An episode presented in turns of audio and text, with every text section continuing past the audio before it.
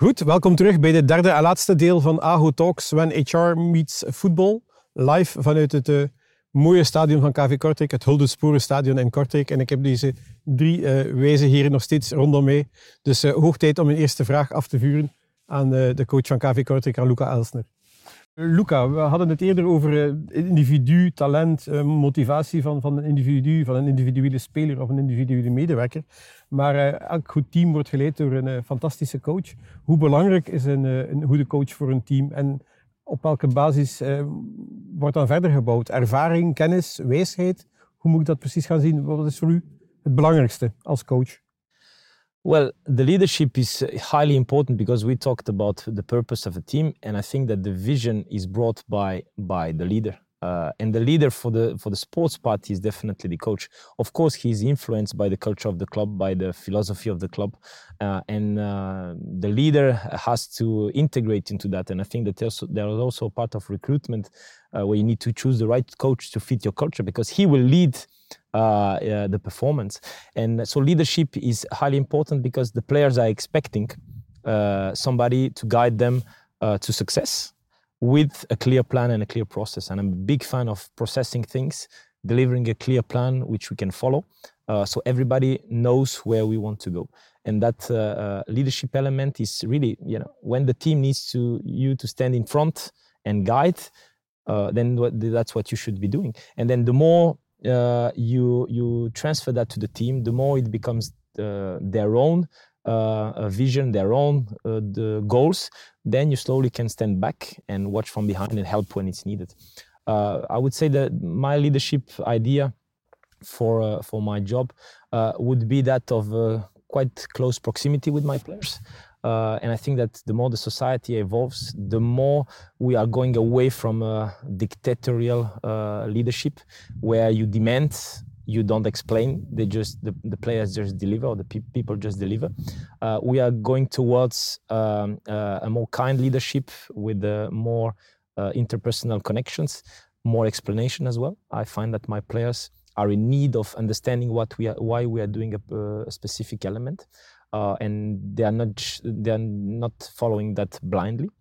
So proximity is important connection talking explaining being part also of the group, not being at a too big distance, but as uh, at the same time being very demanding. And I think you can be both, uh, have that connection, being part of, but also if I need to be tough, if I need to show the way uh, in a in a hard uh, manner, then I need to do it. And ultimately, it's making big decisions because uh, I will make decisions to cut out three, four players for every game, and I need to keep those players in the the direction in which the team is going. Uh, even though they are frustrated, even though it's difficult for them, I have to find a way to make them connect and stay connected with the team, uh, even when it's tough for them. Um, and uh, and sometimes I have to discipline. Uh, so how can you find a balance between proximity and also that uh, sense of okay, there is one person deciding, uh, and we have to follow that, and we are keen on following that. So that's my view on leadership. I think leadership is not only about one man as well.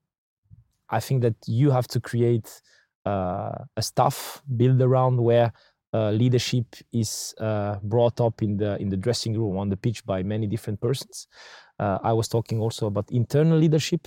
So how can you create two or three captains that transfer that to the team, that uh, take under control the, the, the essential elements of of the team, um, and you want to have captains that have first credibility.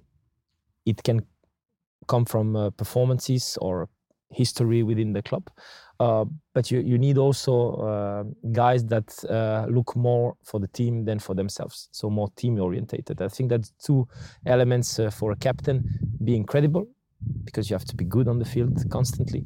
And the second one is caring about the team and making sure that all the decisions that uh, are made are in the benefit of a team.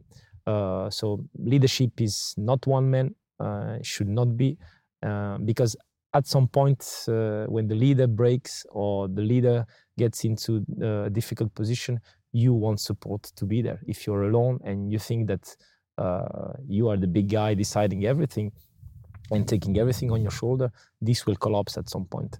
So uh, yeah, uh, be more delegated leadership throughout the team, uh, but being there uh, and mostly when it's difficult. And I find that when uh, the leader disappears when it's difficult, uh, there is no going back. There is no way back.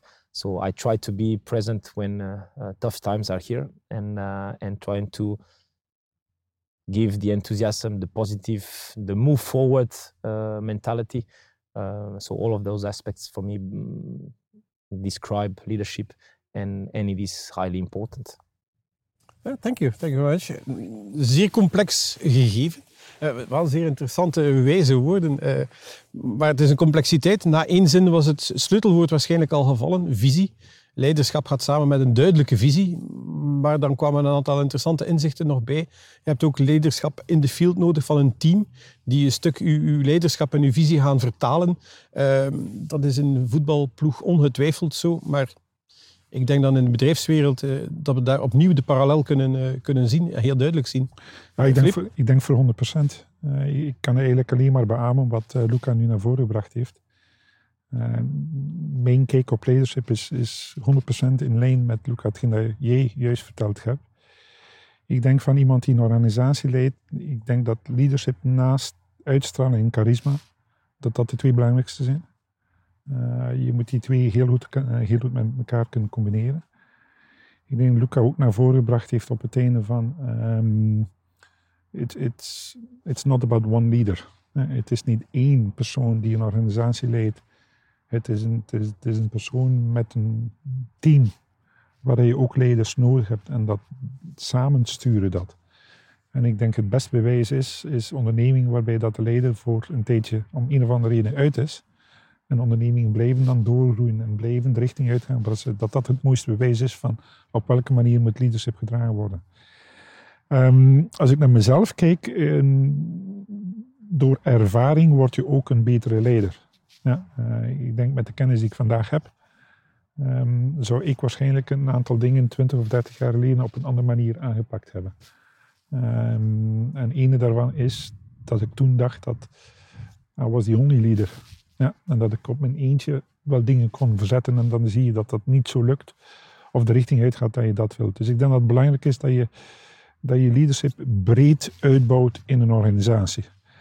Um, je moet ook, denk ik, belangrijk te weten dat niet iedereen uh, neemt het aspect leadership op. Een organisatie ga je ook een aantal mensen uh, moeten meenemen uh, die in zekere mate gaat volgen wat je als leider naar voren brengt. Uh, maar het aspect leadership in de, in breedte door de organisatie heen vind ik heel belangrijk. Voor de rest, Luca, ik denk dat je het perfect verwoord hebt. Ik kan niets op toevoegen. Kan ik zelf ook nog, nog weinig aan toevoegen. Ik ben het zeker eens met, met beide heren. Als ik, als ik kijk, leiderschap is inderdaad vooral die visie. Visie van de onderneming, de doelstelling van de onderneming en bepalen waar dat uiteindelijk denk dat ook een, een, belangrijke taak in zit om dan effectief te gaan detecteren van wat is er nog nodig, wat is er nog tekort uh, binnen de organisatie, binnen het team, binnen de individuen, om, dat, om daar verder op in te zetten om nog beter uh, die doelstellingen te gaan halen. Maar dat hoe langer hoe meer leiderschap gedefinieerd wordt op basis van het aantal volgers.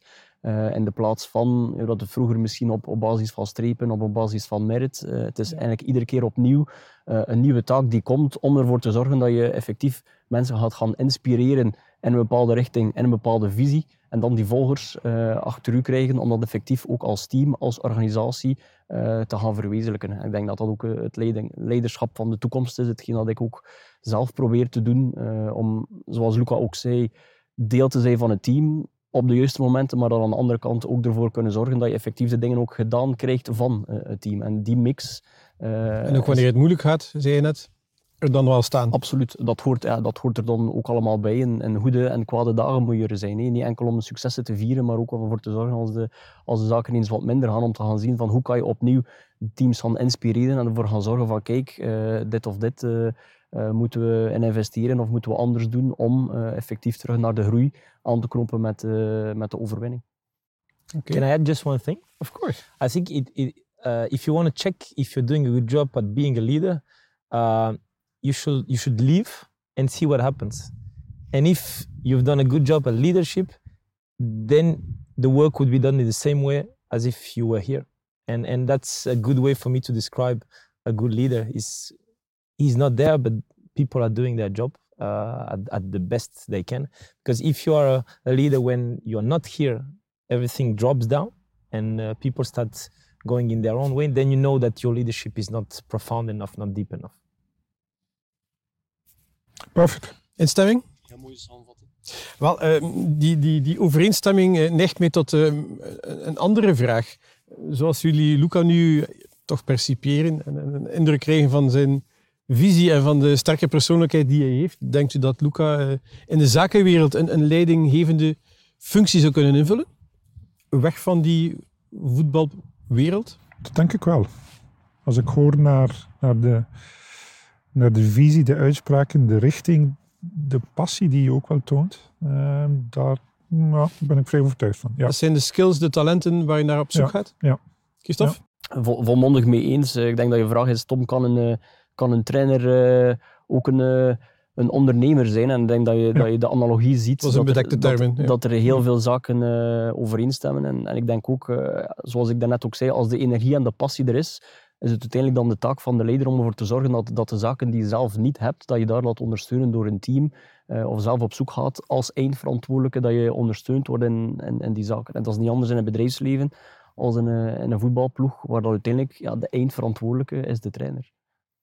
Omgekeerd, uh, Luca, denkt u dat deze twee mannen uh, in hun functie dan, uh, als CEO of managing director van een groot bedrijf, een goede coach zouden zijn, een goede voetbalcoach zouden zijn in een professioneel team zoals KV Kortrijk?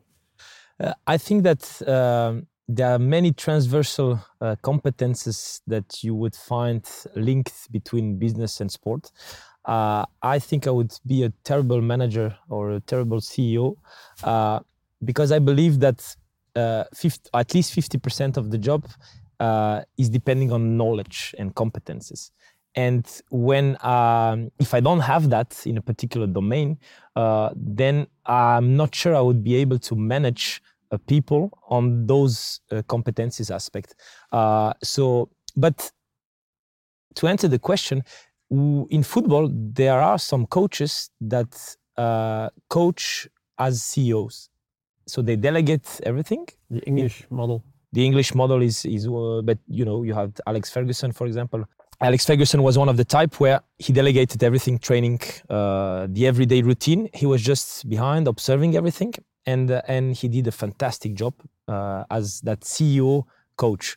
Uh, so definitely, you know, with some adaptation and uh, and uh, and, and a basic knowledge on on the competences that you need to run a, a football business.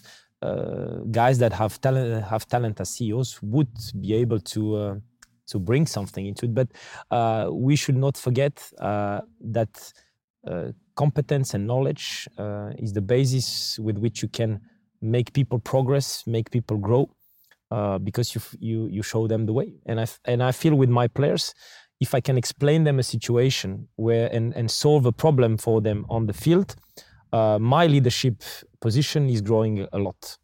I have had coaches that after after 10 minutes I know he, he, he will not bring me anything.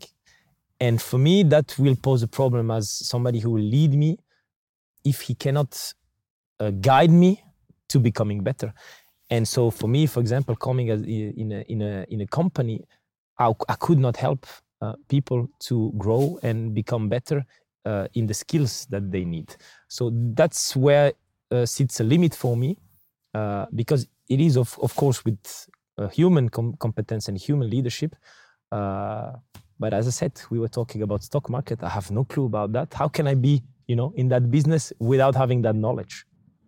If I, if I may respond, but in English this time. Um, I think it's the first time, Luca, I need to say I'm not sure I fully agree with you now. Uh, we're three. Uh, There's three of us. I, I, I, would say you, you probably overestimate a little bit your 50% of competences. I think your leadership aspect is much more important than your competence that you have. I think from listening to you, I, I think you are able to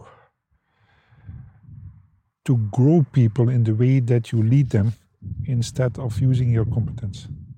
I believe you need to have skills. You need to have a base.